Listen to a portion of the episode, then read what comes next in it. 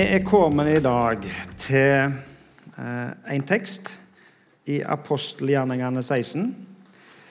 Vi har jo eh, vært i apostelgjerningene. Vi begynte i kapittel 1 og har holdt på utover. Jeg har ikke hatt galt kapittel, men hoppet lite grann. Og i dag er vi faktisk i kapittel 16 kommet til den siste. Men det er en del kapitler igjen da, i boka. Det er 28 til sammen. Så det at vi er i 16 i dag, det betyr for så vidt ikke at vi er ferdige med Vi er ikke kommet til slutten av boka, men vi er kommet til slutten av vår serie, for å si det så. Så da må dere hjem og lese sjøl og finne ut hva som skjer videre i apostelgjerningene. Det er jo en, det er en spennende bok. Og det, hva skal jeg si, det er, det er, lett og det er spennende å lese videre fra kapittel 16. Det er mye historie, det er mange ting som skjer.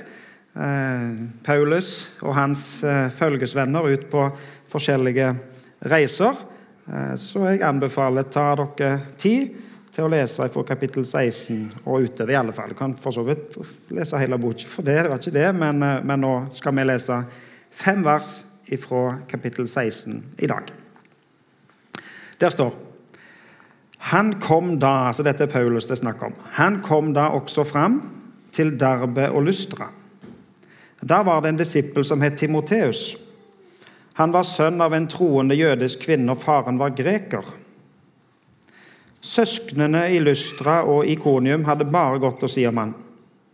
Paulus ønsket å ha han med på reisen, og han omskar ham av hensyn til de jødene som bodde i disse traktene.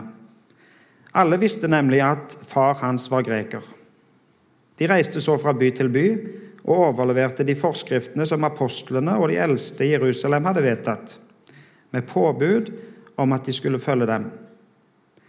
Slik ble menighetene styrket i troen og vokste i tall for hver dag.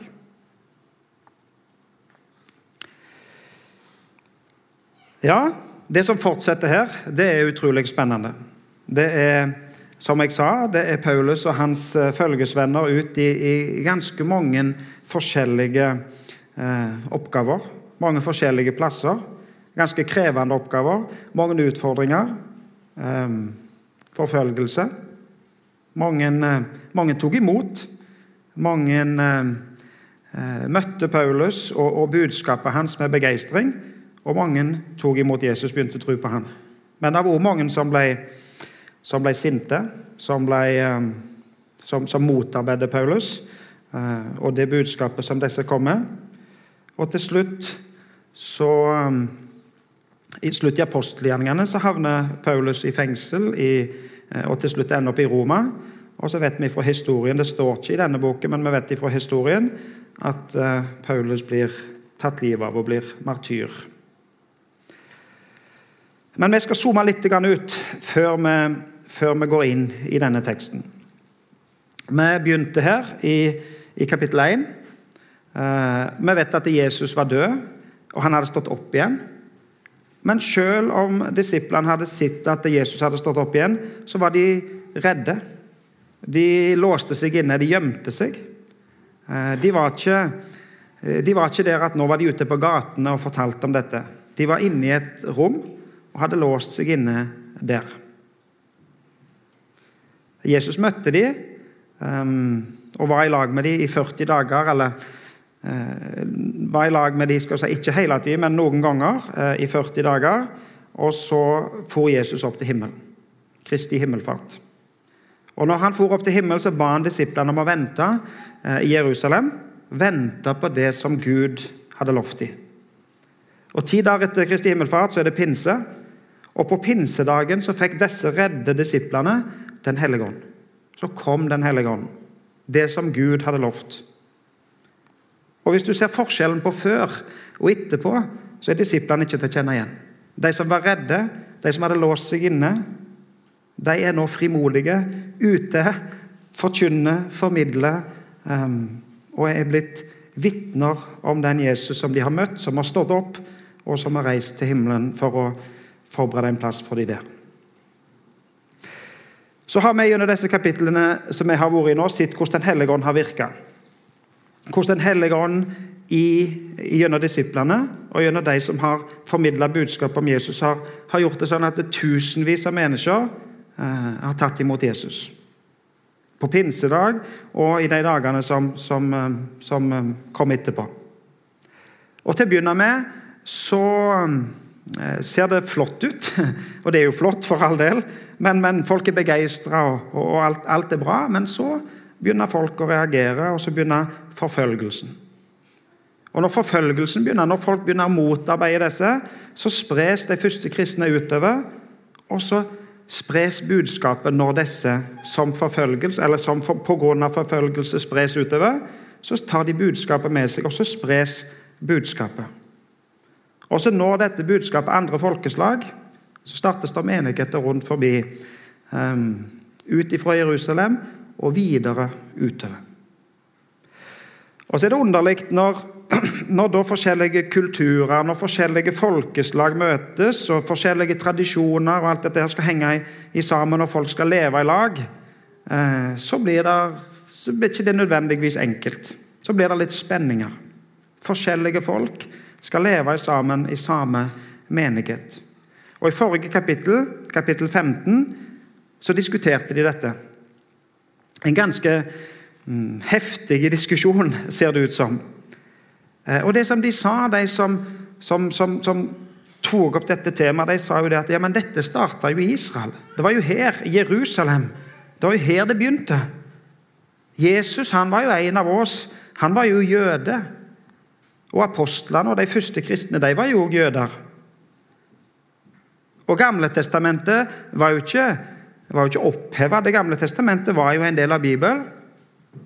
Og Jesus var jo den Messias som Gamle testamentet hadde snakket om, og som lovte, og som, som, som jødene venta på, og som nå var kommet. Det var jo det de trodde på.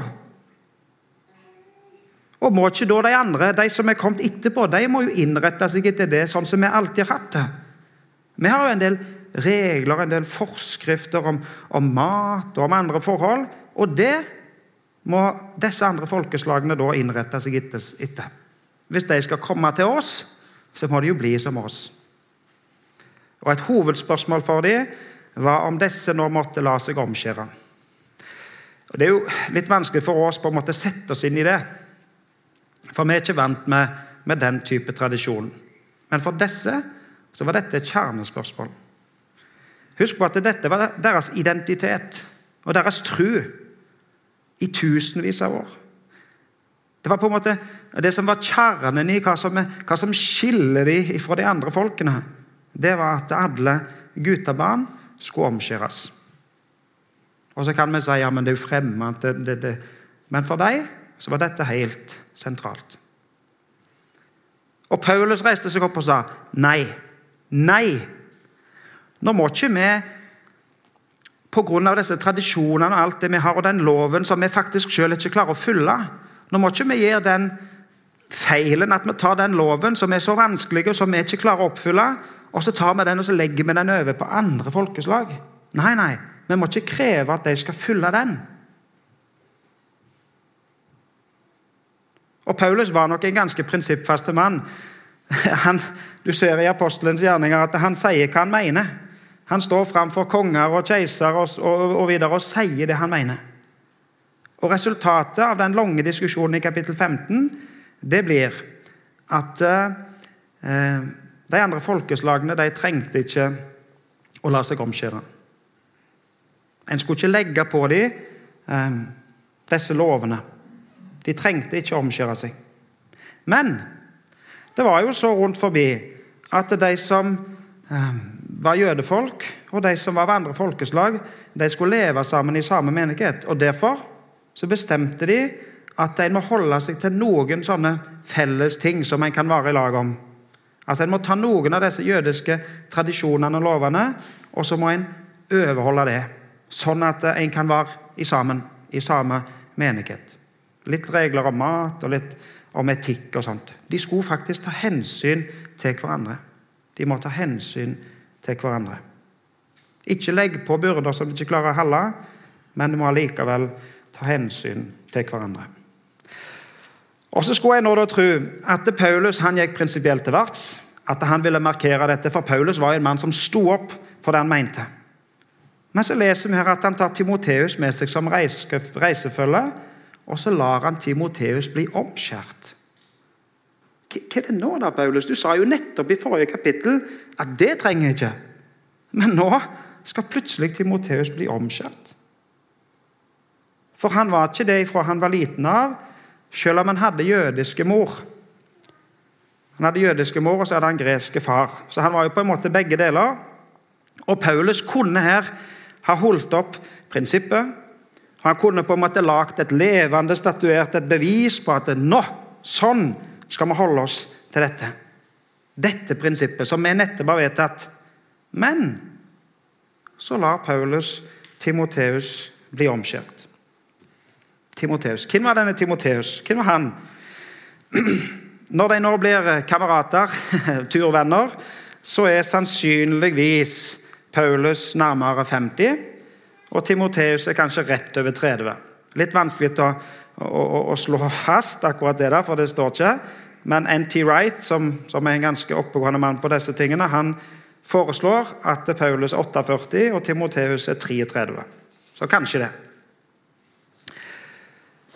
Timoteus var fra en by eh, som i dag eh, på kartet kjennes som Tyrkia. Og så var mor jødisk, og faren var greker. Og I utgangspunktet så var ikke det, var ikke det i tråd med de reglene som jødene levde i, at, at en jøde skulle gifte seg med en greker. Men eh, det er jo klart vi vet ikke mye mer om dette. Men det står to, en, en, liten setning om bestemor her i, i eller ikke her, men i en annen plass. Um, kanskje bestemor og bestefar hadde flytta til Tyrkia. Um, og kanskje denne jødiske mor til Timoteus måtte vokse opp i en, i en verden der det ikke bare var jødefolk. Og så skulle hun forholde seg til denne omverdenen og dette samfunnet. Og så ble den jødiske eh, som hun heter, gift med en, en greker. Eh, og så måtte de forholde seg til det igjen. Faren vet vi ingenting om, annet enn at han var greker. Eh, det står ikke mer om han enn det. Men mor og bestemor får vi faktisk høre litt om. Det står i 2. Timoteus 1,5. Der står det Når Paulus skriver til Timoteus, så sier han Jeg husker din oppriktige tro som først bodde i din mormor Louise og i din mor Eunike. Og jeg er overbevist om at han også bor i deg. Mormor Louise eh, og mor Eunike. Og Så skriver han et vers til i 2. Timoteus 3,15, der han beskriver hvordan Timoteus hadde det som lite barn. Der står Helt fra du var et lite barn, har du kjent de hellige skriftene. Altså en far som var greker, og ei mor som var jøde. Og denne mor har sørga for at helt fra du var et lite barn, har du kjent de hellige skriftene, de som kan gi deg visdom til frelse ved troen på Kristus Jesus. Så Timoteus han kjente Bibelen. Han kjente Guds ord ifra han var et lite barn. Og så er det interessant Når Paulus omtaler Timoteus, så sier faktisk Paulus om Timoteus at han sier 'mitt ektefødte barn'. Paulus var jo ikke faren biologisk, eh, for det var en greker som vi får greie på her i, i teksten. Men Paulus sier likevel om Timoteus at han er hans ektefødte barn. Altså Åndelig sett så regner Paulus eh, Timoteus for sitt barn. For det var Paulus som fikk formidla evangeliet til både bestemor og mor og til Timoteus. Og at Timoteus fikk ta imot Jesus. Og så regner Paulus seg for far for denne Timoteus. Men Paulus kom inn i på en måte Timoteus sitt liv når Timoteus var rundt 30 år. Men fra før av så kjente han de hellige skriftene. For mor og bestemor hadde sørga for at han kjente de hellige skriftene.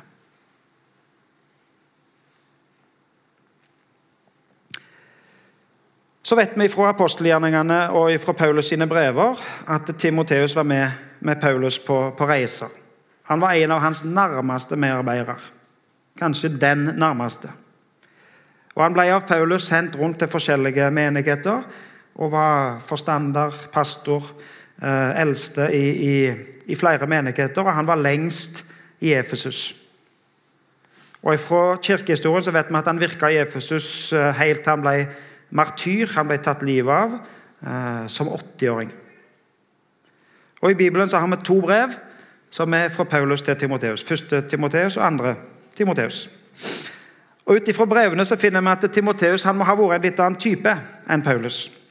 For altså Paulus han var jo prinsippfaste, tydelige, han var høyttaler, han sto opp og han benytta alltid anledningen til å si noe på en positiv måte. Altså Han var sannsynligvis ikke så veldig ulik fra andre ledere som vi setter høyt på Vestlandet og andre plasser. Men det virker ut som om Timoteus var en, var en litt annen støypning, en litt annen karakter.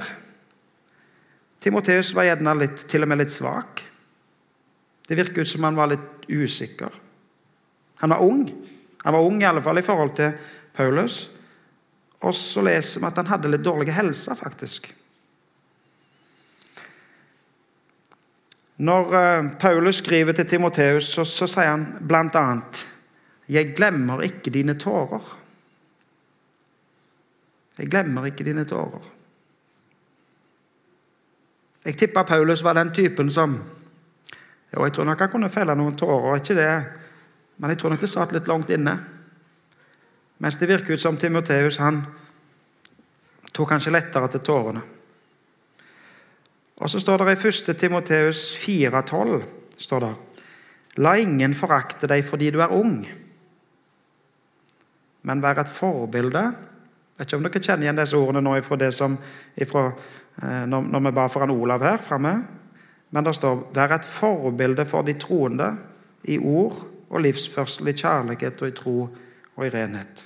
La ingen forakte deg fordi du er ung, men vær et forbilde. Timoteus, nå må du ikke bli usikker bare fordi om du er yngre enn meg eller yngre enn de andre, men stå opp, vær et forbilde. 2. Timoteus 2,1.: Vær da sterk, sier Paulus. Vær da sterk, mitt barn ved nåden i Kristus Jesus. Han oppfordrer Timoteus til å være sterk, og så sier han noe hvor styrken kommer fra. Ifra nåden i Kristus Jesus. Interessant å lese, interessant å se hvordan Timoteus sannsynligvis var. Så står det noen kjempeinteressante vers står der, synes jeg, i brevet til filipperne, i kapittel 2. og Fra vers 19 til 23 der beskriver Paulus eh, Timoteus til noen andre. og Han sier til filipperne i Herren Jesus håper jeg at jeg snart kan sende Timoteus til dere. Han vil sende Timoteus. Og så hopper jeg litt. Jeg har ingen som han, sier Paulus. Jeg har ingen som han. Ingen som så oppriktig har omsorg for dere. Dere vet at Timoteus har bestått sin prøve. Timoteus har vist at han er en som har omsorg for dem, en som står opp for dem. Dere vet at Timoteus har bestått sin prøve. Han arbeidet for evangeliet sammen med meg, slik en sønn hjelper sin far. Slik en sønn hjelper sin far. Paulus som beskriver sønnen sin, eh, Timoteus. Hans barn, altså hans sånn Åndelig sett så regner Paulus Timoteus for så nærme seg at han kaller han for sin, sitt barn, sin sønn. For Paulus vet hva som bor i ham. Det kan hende det så litt skrøpelig ut hvis folk skulle dømme denne her Timoteus. Kanskje det var litt puslete. Men Paulus vet hva som bor i Timoteus. Og Det som bor i Timoteus, det er den samme kraft som bor i Paulus. Den kraft som disse fikk. For Gud hadde lovt dem at de skulle få Den hellige ånd. Den samme kraft som virker i deg som tror på Jesus. Du som har tatt imot den samme hellige ånd som disse fikk.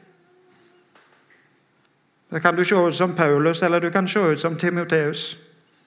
Det kan være en brautende, høyttalende som alltid ser sterk ut. Eller du kan være et Timoteus som er litt usikker. Det er den samme kraft, den samme hellige ånd, den samme Gud som virker i oss, som virker i deg. Og så gir Paulus Timoteus Eller det er jo ikke Paulus som gir oppdraget, egentlig, for det er Gud som gir oppdraget. Men Paulus minner Timoteus om hva oppdrag Timoteus har fått. Han sier, 'Bruk den nådegave du har fått.' Bruk nådegave du har fått av Gud. Og hva nådegave var det Timoteus hadde fått? Jo, da står, La meg bare lese fra 1. Timoteus 4, 13. Eh, så står det eh, Ta deg særlig av Hva var det særlig til hans ansvar? Ta deg særlig av skriftlesningen, formaningen og undervisningen. Timoteus. Den nådegave som han hadde fått, det oppdraget som han, det som Gud hadde utrustet han med. Selv om gjerne du tenkte at ja, men han kan ikke stå fram. Men det var det Gud hadde utrustet Timoteus med. Og så har han gitt oss forskjellige gaver, forskjellige utrustninger. Så skal vi få lov å tjene Gud med de gavene vi har fått. I det første brevet som Paulus skriver, så ser det ut som om Paulus sier litt sånn at Kom igjen! Altså Litt sånn fotballtrener. Kom an, dette klarer du! Stå opp nå! Timoteus, du, du er litt ung, men ja, kjør på! ikke sant? Dette går bra. I det andre brevet så, så er det en litt annen tone.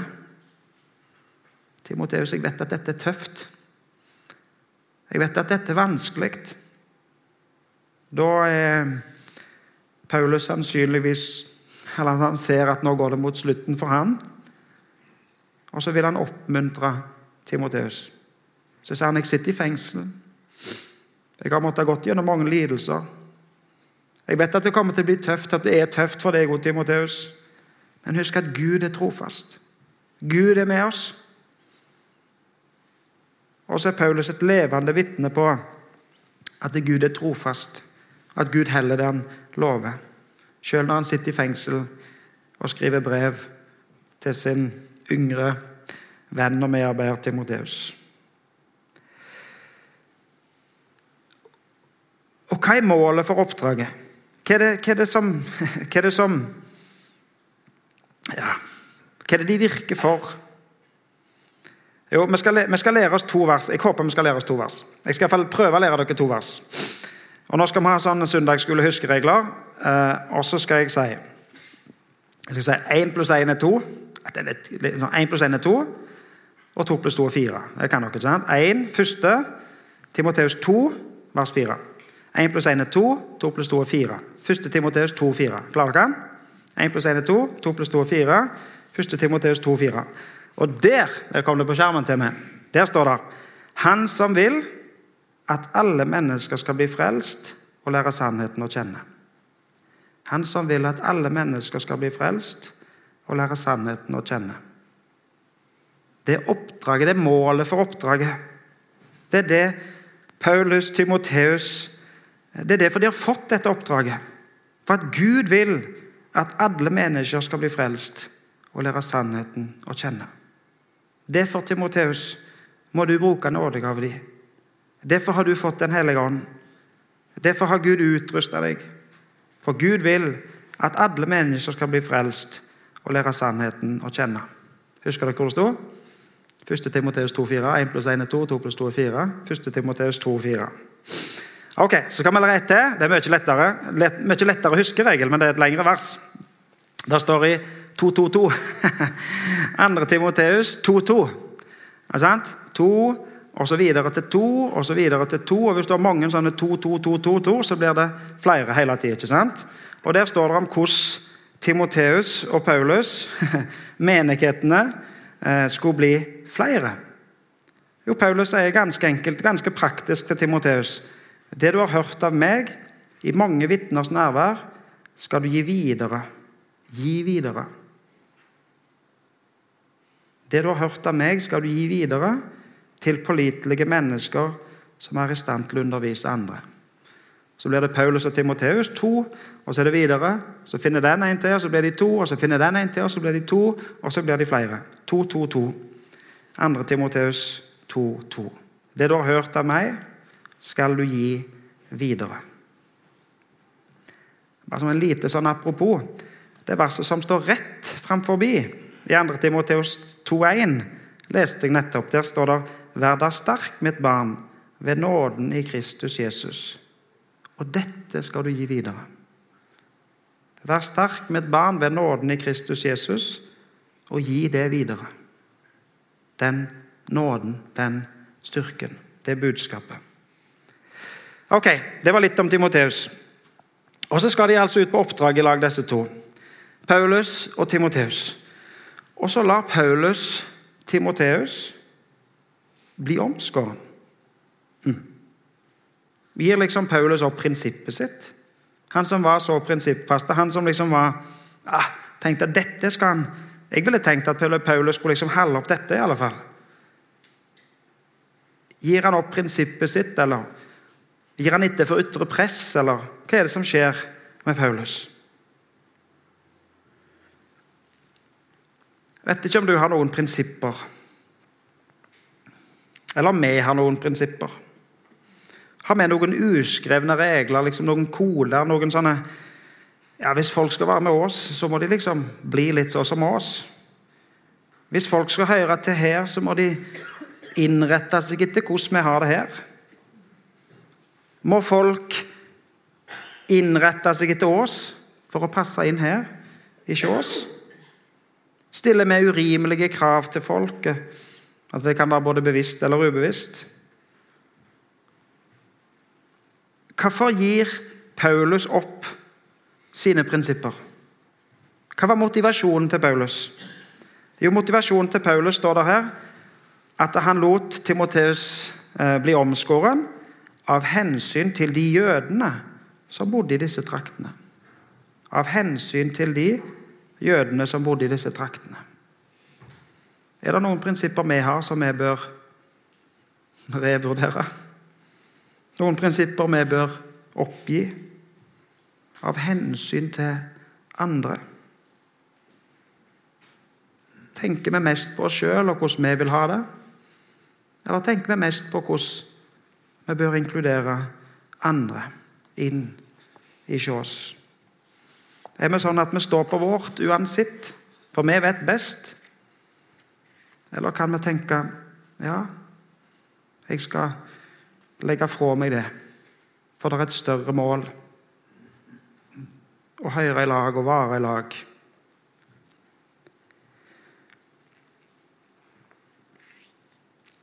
Det kan hende du har noen prinsipper. Det kan hende du har noen karaktertrekk og noen ting som på en måte er deg.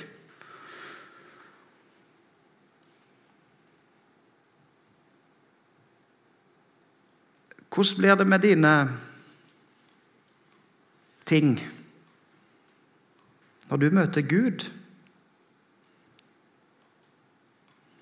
Hvordan møter vi Han? Eller hvordan lar vi Han få møte oss? Inviterer vi Gud inn i livet vårt så lenge vi får holde på noe av vårt eget?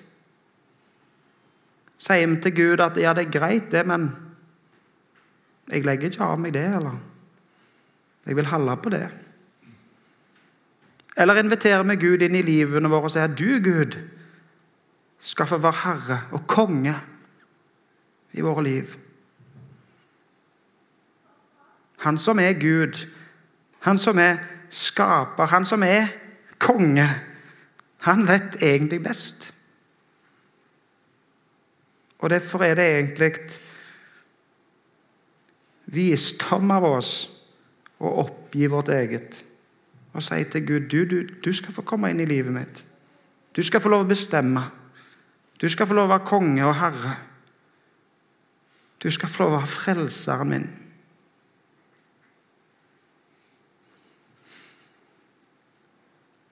Jeg tror vi ofte heller tenker litt om Gud, at Gud, du må være litt sånn som jeg vil du skal være. Hvis Gud ikke er sånn eller sånn, så vil ikke jeg ha med Gud å gjøre. Men Gud er Gud.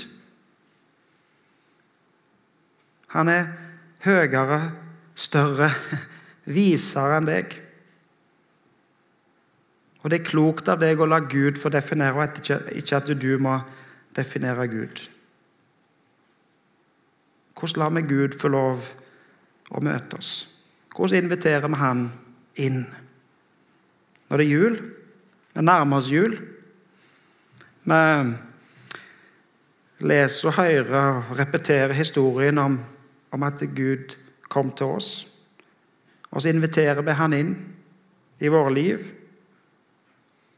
Og la oss denne jula invitere Han inn og si, 'Gud, du får komme inn i mitt liv.'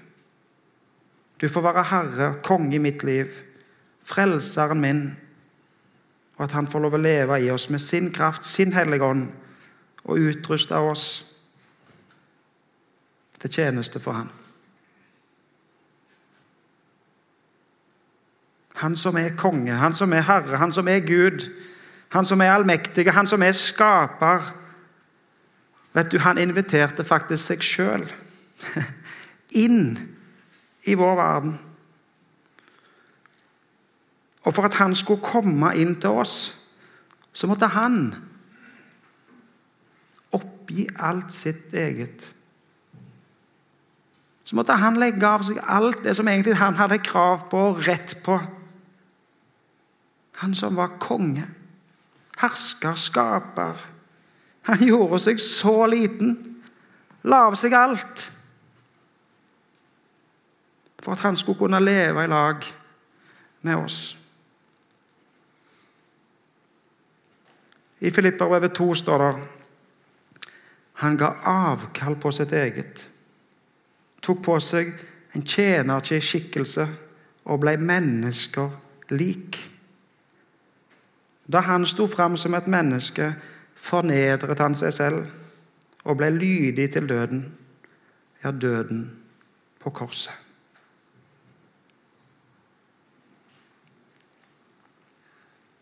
Så kan vi tenke at det, hva si, det stort av oss å invitere Han inn i våre liv. Ja, det er stort av oss sånn sett, for det er en stor beslutning det, å invitere Jesus inn i våre liv. Men det er ikke stort av oss. Det er stort av Han. Det er stort av Han som faktisk gjorde alt for å invitere seg sjøl inn i våre liv. Må vi få lov å leve i lag med Han sånn som Paulus og Timoteus. At vi får lov å eie i sanne tro på Han. At Han kan få lov å leve i oss, skal vi be. Kjære Jesus, takk for at du gav avkall på alt og ble tjener for oss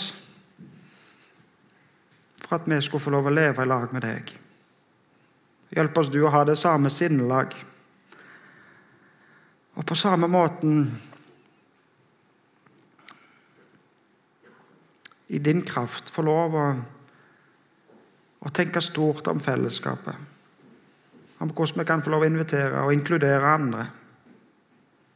I din kjærlighet, for du vil at alle mennesker skal bli frelst. Jesus, hjelper oss å gi det videre både her på Vea og andre plasser. Du som har sagt 'gå ut i hele verden'. Og Jesus, takk for at du gir oss eh, både kraft og eh, fellesskap i den tjenesten. At vi i lag med andre får lov å tjene deg i hele verden. Sånn at alle mennesker, alle folkeslag, kan få lov å høre budskap om deg. Jesus, takk for han Olav, som jeg fikk lov å be for i dag.